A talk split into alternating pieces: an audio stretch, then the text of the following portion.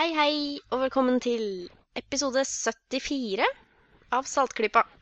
I dag har vi en litt omstokket gjeng her. Jeg heter som vanlig Kristin, og med meg i dag har jeg Bendik. Yes, hvem eh, eh, eh, Det var meg, det. Det går greit å være litt omstokket iblant, er det, gjør det ikke det? Jeg håper det. Eh, videre så har vi Lisha. Hei, hei, alle sammen. Hei, hei. Og Marit har vi med oss. God dag, god dag, god dag, god dag. god dag. Marit er vår lille vikar i dag. Da Jørgen eh, er på sånn påsketing og sånn. Det er, noen som har det. Altså, considering at dere akkurat ba meg om å holde det kort, eh, og at jeg stort sett ikke klarer det, så får vi se hvor liten vikar jeg er. Ja. Det pleier å bli veldig bra, det, altså. Det blir helt sikkert kjempebra. Vi har Som trua på deg. Som sagt så er det litt sånn på, midt i påsken-episoden. Når står for døren. Når eh, episoden kommer ut, så er den jo snart over, faktisk. Men vi skal ha en liten episode for det, vi. Eh, bare prate litt om eh, Litt om annet hvorfor eh, det er så vanskelig å være skeptiker. Det trenger man å prate litt om iblant. Men, eh, men først, Lisha, en sak hvor det ikke er veldig vanskelig å være skeptiker. Hvem er denne Åndetom, og hvorfor er du så irritert? Nei, jeg vet ikke om jeg er så superirritert, men jeg syns det er litt eh, trist å se si, voksne folk som på en måte mm, Ja, han mener selv han er skeptikeren som tror på det overnaturlige, tydeligvis. Og jeg føler litt at uh, det er litt begrepsforvirring her. Som jeg blir litt uh, deppa av å se. Og særlig med tanke på at dette her er jo et uh, Dette er også programleder Tom Strømnes i Åndenes makt vi snakker om nå. TV Norges eh, Runaway Train Success. De har jo hatt mye mer suksess med det programmet enn de hadde ventet seg. Eh, nå er det vel niende sesongen de driver på med. Og i den forbindelse da, så har han eh, blitt portrettert i Dagbladet. Og i det intervjuet er det mye rart, altså. Dere har vel lest dere andre også, og jeg tror dere er enig med at der er det mye rart. Kanskje det snåleste er et utsagn hvor han, han har eh, på en måte en um, forklaring her. Som er grunnen til Han mener Han mener åpenbart da nå at dette er reelt. Han er skeptiker, men han sitter på så utrolig mye god dokumentasjon. Så han kan ikke insistere på tilfeldigheter. Og For å illustrere dette så forteller han at eh, for hvert program så må de ha minst 15 observasjoner av uforklarlige fenomener, som han kaller det, og minst to personer må ha gjort dem. Og så sier han å fortelle om dette på TV er en terskel å trå over. Og mange som gjør det, snakker på vegne av mange. At folk skulle fortelle en kollektiv løgn, er mer ubegripelig enn at ting flytter seg i nærheten av dem. altså, det er så mye feil med den setningen at jeg vet nesten ikke hvor jeg skal begynne. Nei, det er, litt, det er til og med litt feil, syns jeg, i den, den setningen du sa helt først. Altså, forut for hvert program så har de som en sånt krav at det må foreligge minst 15 observasjoner av uforklarlige fenomener. Altså, hva er 15 uforklarlige fenomener, da? Det er, jo, det er jo 15 uforklarlige fenomener, og det er 15 ting man ikke vet hva er. Altså, det kan være alt mulig. Ja, og man må også spørre seg det må altså være, Jeg skjønner at de må ha mer enn én person her, da. For uh, at ikke det bare er én gærning liksom, som har sittet og hallusinert. Men jeg må spørre uforklarlig for hvem? Altså Det at det er uforklarlig for de da to eller flere som har, mener de har observert dette her, det betyr jo ikke at en person som faktisk vet hva han eller hun snakker om, ikke kunne forklare det.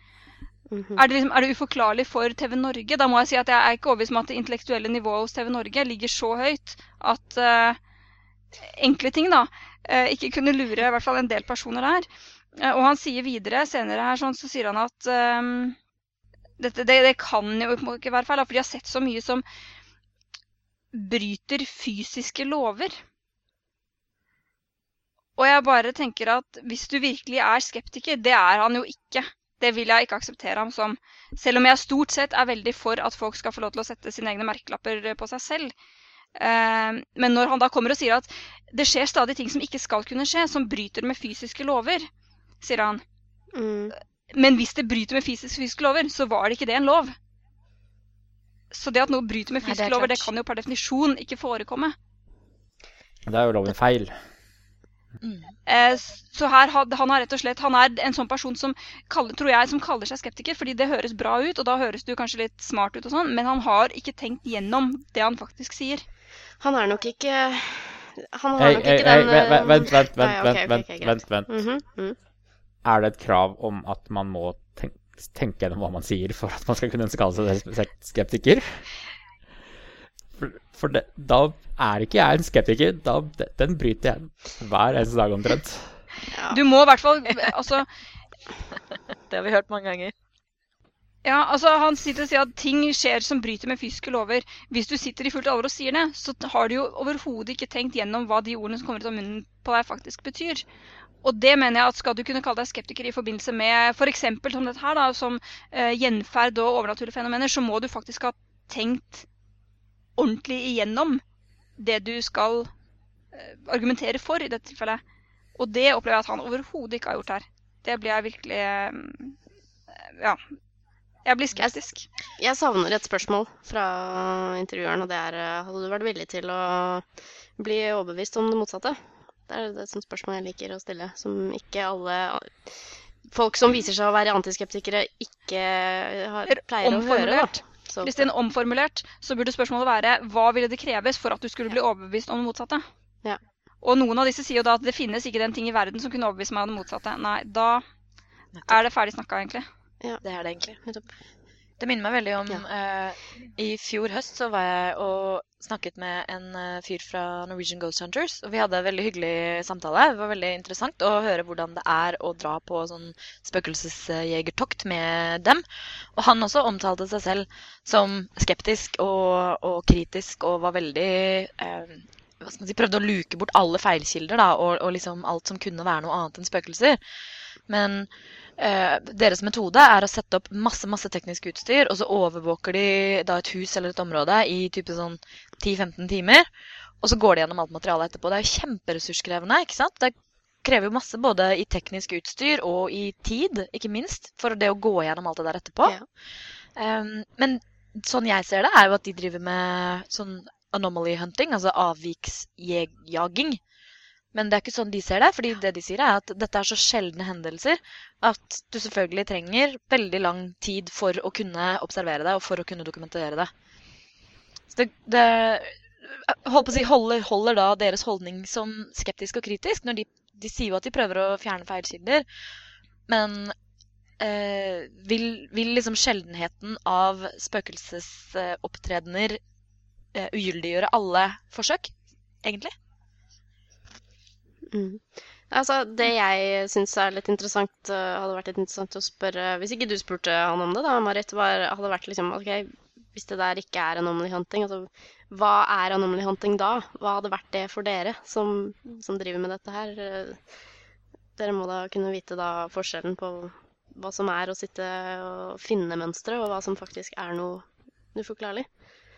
Jeg spurte vel varianter av det spørsmålet, men jeg, kan ikke huske nøyaktig hva han svarte.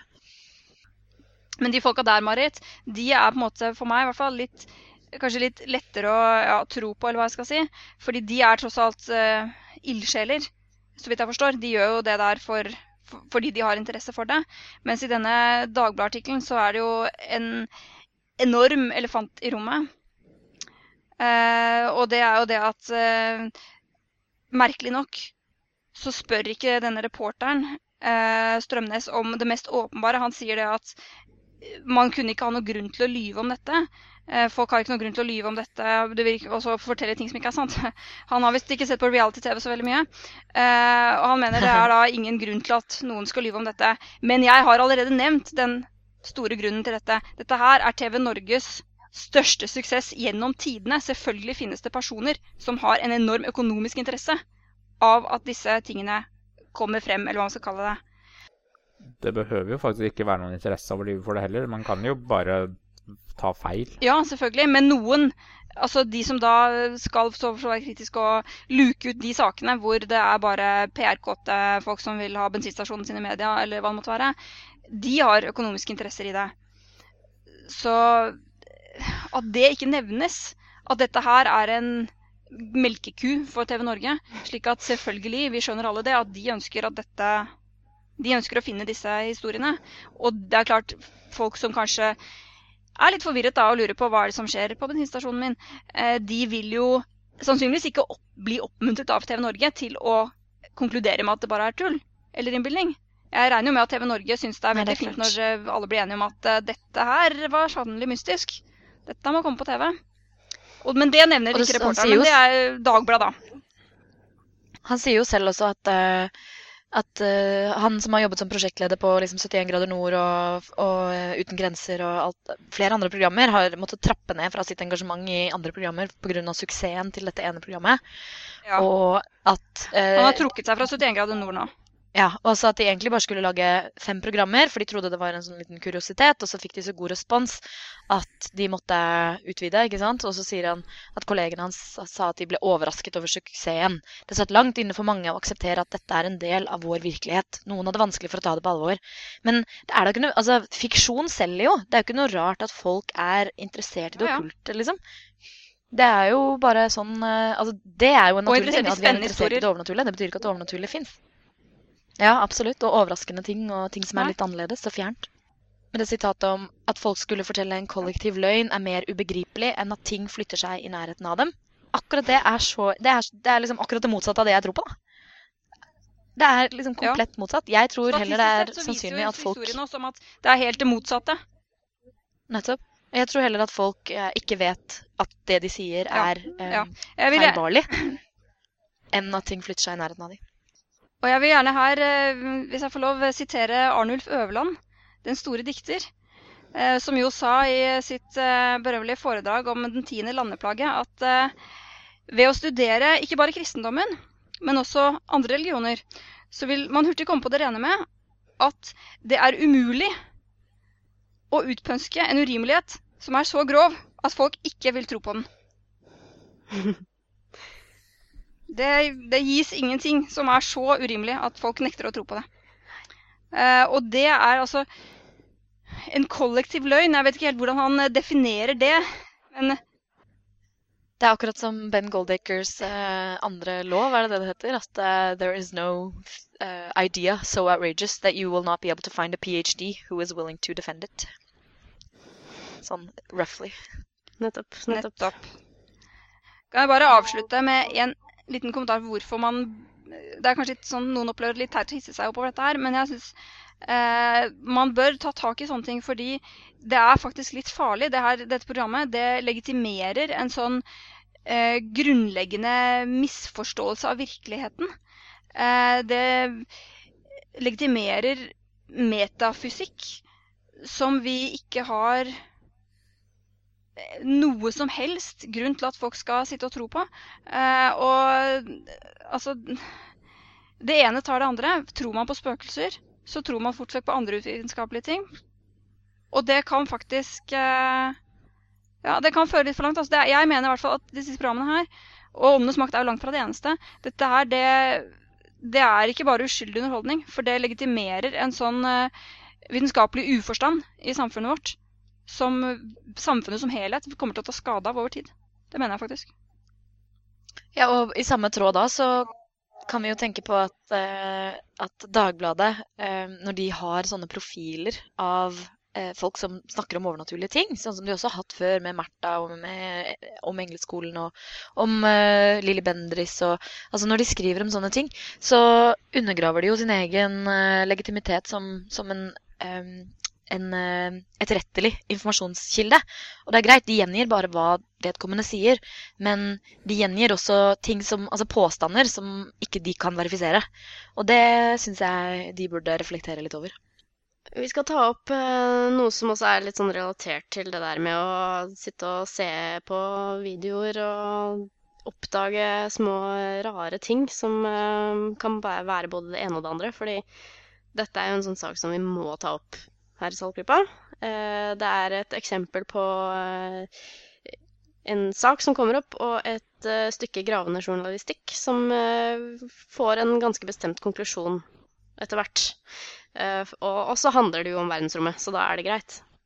For det regner med at alle har fått med seg de siste par ukenes meteoraction.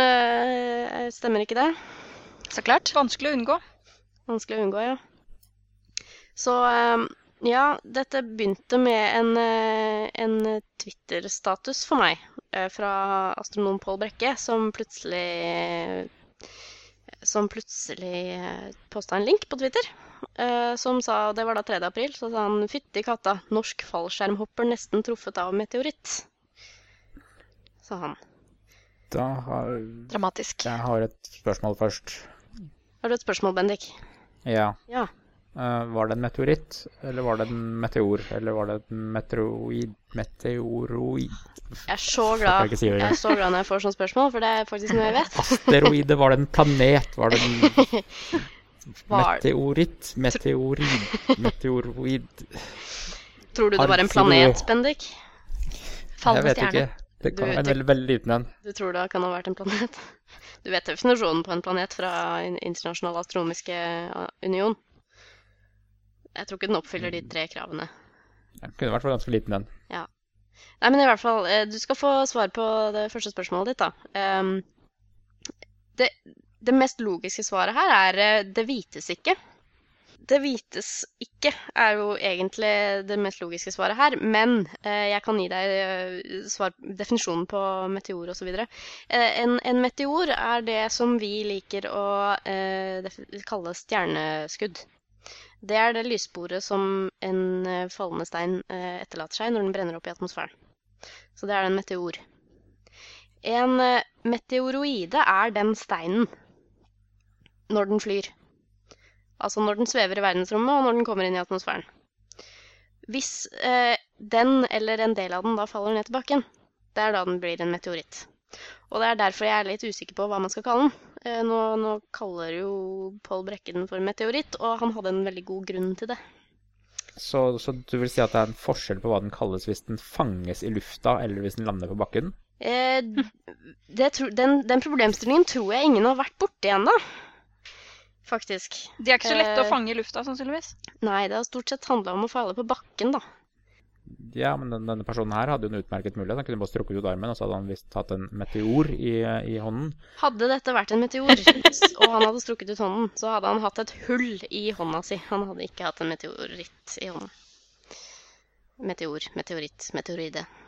Romstein. Kanskje like gjerne Ja, fått revet av armen. Ja, ikke sant.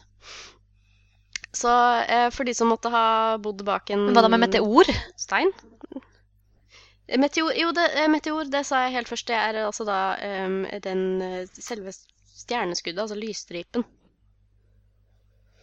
Det er meteor. Så en meteoroide lager en meteor. Hvis den brenner opp i atmosfæren, ja. Og da, da er det ikke en meteoroide lenger i det hele tatt, for da er den brent opp.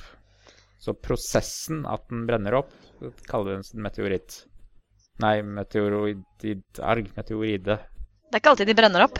De kan jo lage lysstrimer selv om de ikke brenner opp. Det er jo det som er poenget. Yes. Det er det. Og hvis de er veldig, veldig store, og de eh, gjerne er så store at de eh, brenner hele veien ned i atmosfæren, til en viss høyde selvfølgelig, og så kan de brekke opp i flere biter og sånn, og der, lager de ganske sterke lyskuler på himmelen, og det kalles for bolider. De er ganske kule hvis man ikke har sett en sånn. De er, de er kjempetøffe å se. Og, og hvis den eksploderer over Russland, så kalles det en Da kalles det en mediesensasjon. kalles det mediefor. Så bare for å ta Jeg må, jeg må nesten oppsummere her, fordi at det har skjedd så mye eh, de siste to ukene. Eh, Først så ble jeg litt sånn eh, sur over at ikke denne saken her kom litt seinere, for da kunne vi liksom tatt den opp når den var fersk i saltklypa, ikke sant. Men eh, jeg syns det er veldig interessant å følge på en måte utviklingen av den saken her, for den fikk jo faktisk en konklusjon til slutt. Og litt annen konklusjon enn det jeg faktisk eh, tør å innrømme at jeg hadde eh, da den kom. Så, så når jeg så den tweeten, da, bare 'norsk fallskjermhopper nesten truffet av meteoritt', da er det første jeg tenker 'herregud, liksom, for en helt fullstendig insane tilfeldighet'. Og det han linket til da, var en pressemelding fra Norsk Romsenter i forkant av en episode av Schrødingers katt på NRK, om da en eh, fallskjermhopper eh, som heter Anders Helstrup, som eh, da for faktisk eh, nesten to år siden eh, opplevde noe artig når han var ute og hoppa i fly med wingsuiten sin. Eh, og når man gjør sånt, så liker man jo å filme det man gjør, med litt sånn, sikkert noen sånn GoPro-kameraer og noen fancy greier. Og eh, em, like etter det at han løser ut fallskjermen sin, da, når han er en kilometer over bakken, så det, det så de ikke da, men når de så på videoen etterpå, så så de at det var en stor mørk stein som farte rett forbi. Uh, og det er jo litt sånn derre Det er litt sånn hvor, hvor kommer dette fra, ikke sant? Uh, og det er kanskje ikke så, så lett å komme på det når man ser det for første gang. Okay, det er en stein. eh, Man klarer ikke helt å skjønne hvor i all verden kommer den fra. Men så kan man da komme på det at herregud, det kan faktisk ha vært en stein fra verdensrommet. Det er ganske høyt oppe, da, og det er jo ikke så mye annet rundt der som kan drive og kaste stein på det. Ja, det er litt sånn glemt det at ting faktisk faller ut av himmelen innimellom. Det, ja, det gjør det hele tiden, vet du. Så um, den eneste naturlige forklaring på den hendelsen, da, sier uh, Norsk Meteornettverk, det er at det er faktisk da en meteoritt som har falt rett forbi.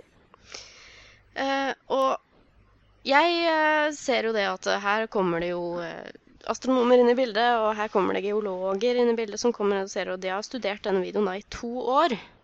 Det er også litt pussig at denne, denne videoen har, har vært skjult i to år, da, og det, det har litt med den der greia med, med jakt på meteoritter.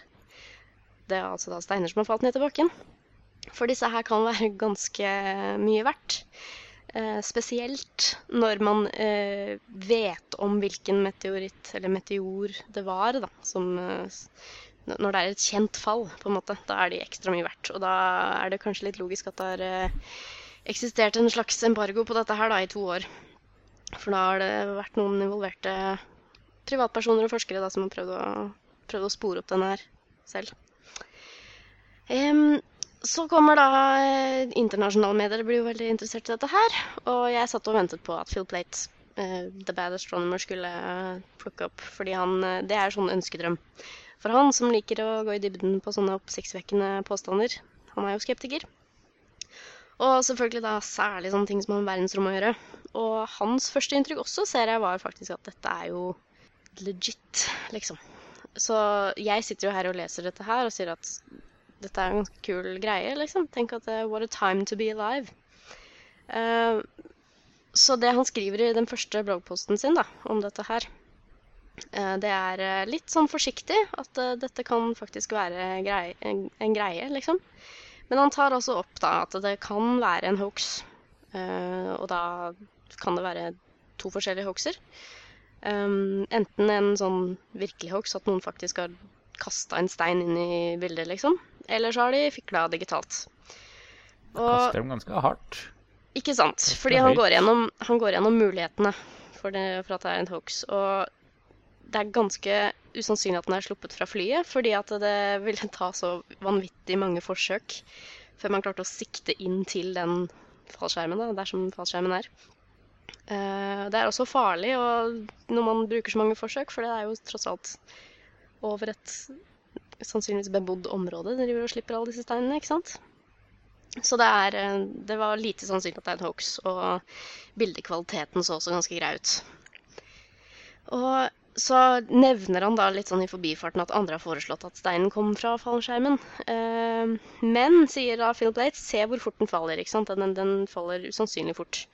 Og dessuten, hvis de hadde altså, pakka en stein eh, accidentally med fallskjermen, så hadde de jo merka det, ikke sant. Um, så sier han også her at uh, størrelsesantagelsen som man har sett uh, folk komme med her, da, den, den stemmer med at det kan være en meteoritt, og fargen som du kan se på den stemmer, og så diskuterer han dette her med at det er mye verdt, og at det er hvor fort de faller, og at det, det stemmer på en måte med, med den antatte avstanden, og med hvor, hvor fort de faller ved en sånn høyde da, som vi var på. Um, og så er det da et oppfølgings, eh, oppfølgingsblogginnlegg fra Phil, hvor han da tar et lite skritt tilbake. Eh, for her har han da sett gjennom alle ting som har blitt skrevet om dette her. Alt på Facebook, alt på Twitter, alle bloggposter og sånt Der. Og han heller faktisk mer og mer mot at det kan være en sånn vanlig liten stein som kommer fra, fra fallskjermen. Og det som han legger merke til, da, at dette her, disse her avstandsberegningene De folkene som gjorde det, de antok hele tiden at steinen falt veldig, veldig fort. Ikke sant? Og, men hvis det var en mindre stein som falt mye nærmere, så vil den jo se ut på samme måte, ikke sant? Og Og han eh, faktisk, en person i fallskjerm faller vel egentlig ganske sakte, så man skal ikke behøve å falle så veldig fort for å suse forbi han. Ja, nei, selv, ja, selv når eh, fallskjermen nettopp er slått ut, så faller de ganske sakte. Uh, så der, eh, der kommer han med den første innrømmelsen, da. Fordi han, han, han fokuserte sånn på de to alternativene han hadde for seg når han først hørte om historien. Nemlig enten så er det en hoax, enten så er det noe som tøyser med oss, eller så er det ekte meteoritt. Han tenkte på en måte ikke på at det kunne være en faktisk ekte video med ærlige hensikter, og at det bare var en liten sånn ting som man ikke tenkte over. Um, og det kommer jo det, Jeg syns det er et viktig poeng, da. Og det viser seg også det at eh, han som driver Norsk Meteornettverk, han, eh, han var veldig enig med, med Fieldate i dette her. Og det har etter hvert da blitt, blitt konklusjonen på hele den saken her. Så noe jeg har lært av dette her, da, at det er veldig lett å, å glemme å være ordentlig skeptiker når man eh, kommer over noe man har sterk personlig interesse og, og følelser av og for. Jeg vet ikke om det, dere kan være enig i, eh, i det. Jo, Veldig enig. Og det Veldig er enig. også dette med at eh, man låser seg til Som du sa, da. Han hadde fått to alternativ. Og da stirret han seg blind på de. Da måtte det liksom være en av de, mens andre alternativ de kom ikke inn i hodet hans. Og det er noe man skal være ganske forsiktig med. Eh, fordi det har veldig mye forskning eh, vist. At får du det er, det er veldig lett å låse folk. Det trenger ikke være bare alternativer til hva de skal tro på, men det skal være eh, Hvis de skal gjette, f.eks. Hvis du gir dem på en måte en bunnlinje, da, så låser du gjetningene deres til et mye mindre felt. Så det der, det skal man være veldig bevisst på. At har du konkrete alternativer, så låser du hjernen din, eller tankene dine, til eh, et mye snevrere felt enn du kanskje ellers ville ha tenkt innenfor. Ja, det er det der som kalles priming. ikke sant? Hvis du stiller folk spørsmål om eh, når, eh, hvilket, eller hvor gammel en eller annen person var ved en eller annen hendelse som var mens de var barn, eller hvor gammel en person var når de døde, og dermed bruker det bare som et, altså at folk skal oppgi et lavt eller et høyt tall, og så spør du dem hvor mange land er det i Afrika. Så ser du at de tilpasser svaret sitt etter om de, da, om de først måtte oppgi et lavt eller et høyt tall. Det kalles priming. Um, og kanskje litt også Ja, litt på samme måte, så jeg tenker på den øvelsen som jeg noen ganger gjør som et lite sånn partytriks, um, hvor jeg bare stiller folk masse kjappe spørsmål for at de skal lære seg å, å svare på spørsmålene veldig raskt, sånn at de ikke skal tenke. Eksempel sånn Hvilken farge er himmelen? Hvilken farge er gress? Hvilken farge er eh, skyer? Hvilken farge genser har jeg på meg? Og så følger opp med si en farge og et verktøy. Og da svarer folk eh, sånn 90% av tilfellene så svarer de rød hammer. Og det har å gjøre da med at ting har liksom en, en slags eh, essens, eller noen ting er på en måte mer eh, i en kategori, eller bedre eksempler på en kategori enn andre ting. Eksempel så er rød en mye mer fargete farge enn hvit er en fargete farge. Eller eh, beige eller lysrosa. Ikke sant? Rød er liksom sånn knall og flott. Og, og hammer er også veldig sånn verktøy. Det er det meste verktøyet dette verktøyet. Det er kult. veldig morsomt å gjøre med, med, med konfirmanter, f.eks. Noen ganger så holder jeg foredrag for dem, og så skriver jeg inn opprød hammer på tavla før de kommer inn. Og så Nei, ikke på tavla, men, jeg, men på et sånt ark. Og så skjuler jeg det. Så viser jeg de etterpå. Kjempegøy. Ah, Fiffig. Hva, hva om vi ikke har en gjeng med konfirmanter å gjøre det på? Kan vi gjøre det fremdeles da? Det er lov å gjøre det på fest. Men eh, du skal vite at vennefest, eh, du skal vite at eh, når man gjør sånne ting på fest, så blir man ofte tatt for å være litt rar. F.eks. som at man prøver å bli tryllekunstner. Og det er jo bare sosialt eh, utilpassede mennesker som blir tryllekunstnere. Men det er jo Det har jo litt så, så bare gjøre det med konfirmanter, altså. Greit. Det har jo litt med hvilke venner du velger å være på fest med, da. Ja, det er sant. Skeptikere tror jeg vil eh, like det, men ikke la seg lure. ja, det er vanskelig, det der. Siste, siste festen jeg var på, så satt vi faktisk og leste masteroppgaver hele kvelden, så ja, det Vi, vi, vi har noen sære fester her. Ja. Det er eh, Jeg tenker på en sånn eh, motsatt eh, variant av det jeg nevnte på slutten av saken i, i stad. At det er lett å glemme å være skeptiker hvis man har en litt sånn derre følelse for, for greia, eller engasjement og engasjement, interesse. Så er det også veldig lett å være skeptiker når man har en fordom mot noe. At man eh, ikke liker en type person eller en sak eller et parti eller et eller annet sånt. Så har man også veldig lett for å ta altfor god fisk som setter dem i et dårlig lys, ikke sant. Som eh, kom over en, eh, en sak om et eh, Jeg tror det var et sånt eh, nynazistisk, eller i hvert fall veldig veldig høyreekstremt eh, italiensk parti som Det var en historie om at de skulle liksom eh, Som altså begi seg ut på en sånn bitte liten plastbåt for å bevise at båtflyktninger har det lett. Og så hadde de sunket. Eller de hadde, den hadde gått høl på båten. Da. Og det var jo selvfølgelig veldig gøy for de som eh, leste om det. Og da, da var det en, en, en slags nettavis da, i Sverige som eh, slukte den rått. Og det viste seg at den var skrevet på en satirisk eh, blogg. Ja, den bloggen som trykket den artikkelen, det er type italienske 50-80. Ja, riktig. Litt sånn 50-80, ja. Ja. Og eh, det, det positive er jo selvfølgelig at den, eh, denne metro.se som, som postet dette her, de innrømmet det, og det skrev en ny sak hvor de innrømmet det.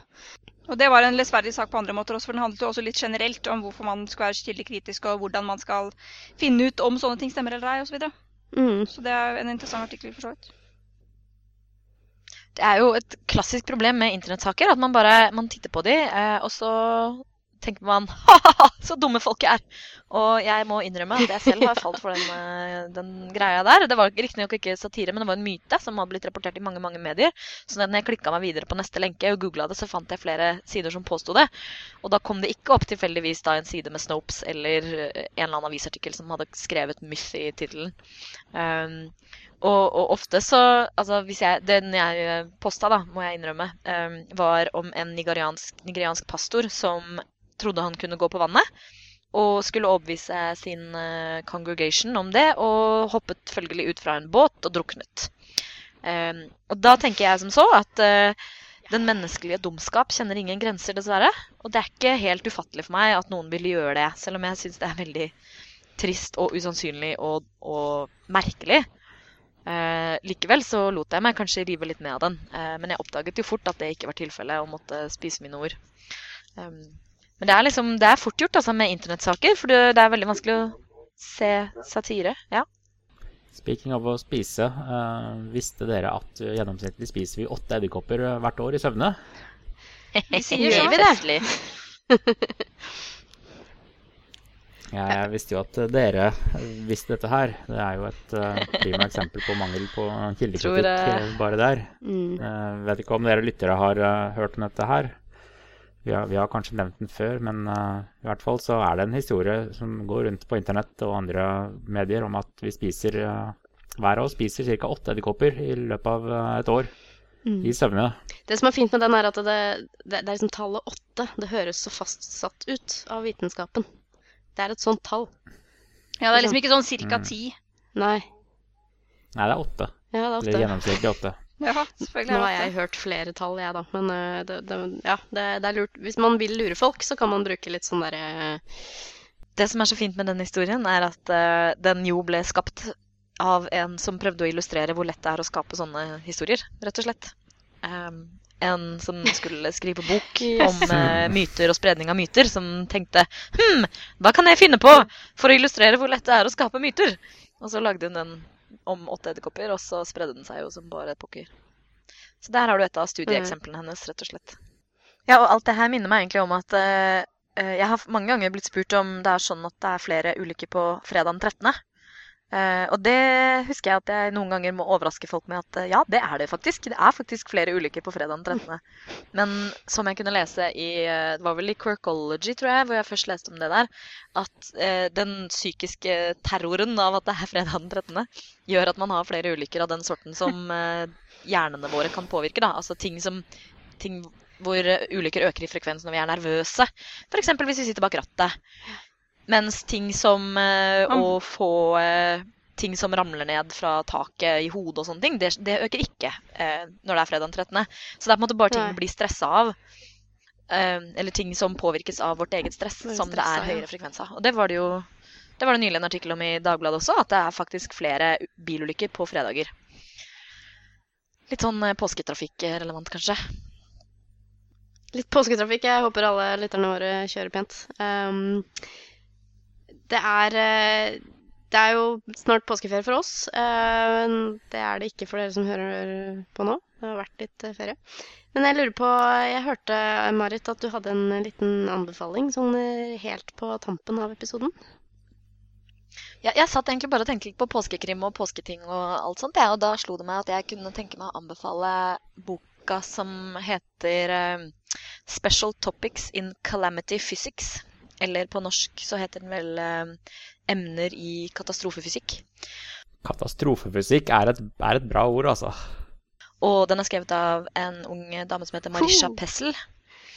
Den er eh, en eh, mørk og sydende kopp av gode ting. Eh, litt konspirasjonsteorier, eh, eh, Veldig mye sånn eh, vitenskapelig tematisert språk. Hun, hun hovedkarakteren er en ung jente med sterk hang til biblioteker og litt sånn gammel vitenskapelig kunnskap. Det er veldig sjarmerende. Hun skriver masse om eh, liksom gamle vitenskapelige navn på ting og sånn. Så ja, jeg synes, satte i hvert fall veldig pris på den boka. Jeg syns den var veldig kul og underholdende og bare raste gjennom den. Og så er den litt sånn krimtema. Det er gøyalt. Det er gøyalt. Så bra.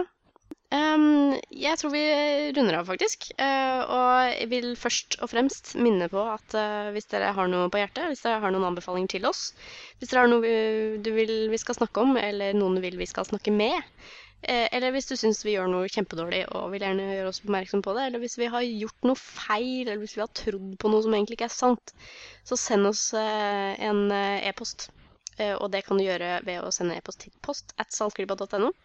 Det er eh, andre måter å kontakte oss på. Eh, Vi har Facebook-side, og vi har en Twitter-profil, og vi har ja, vi har til og med Google pluss. Jeg vet ikke helt hvor aktiv den er, men i hvert fall. det er ikke noe problem å kontakte oss. Det syns jeg dere skal. Eh, med det så tar vi og runder av, tror jeg. Eh, vi skal eh, gå hvert til vårt, og jeg skal drikke opp rødvinsglasset mitt og gjøre meg klar til påske. Og så ses vi om et par ukers til, gjør vi ikke det? Regner med det. Mm, Da sier vi ha det på da. Håper det. Ha det. Ha det. Ja, Ha det på badet, din gamle sjokolade.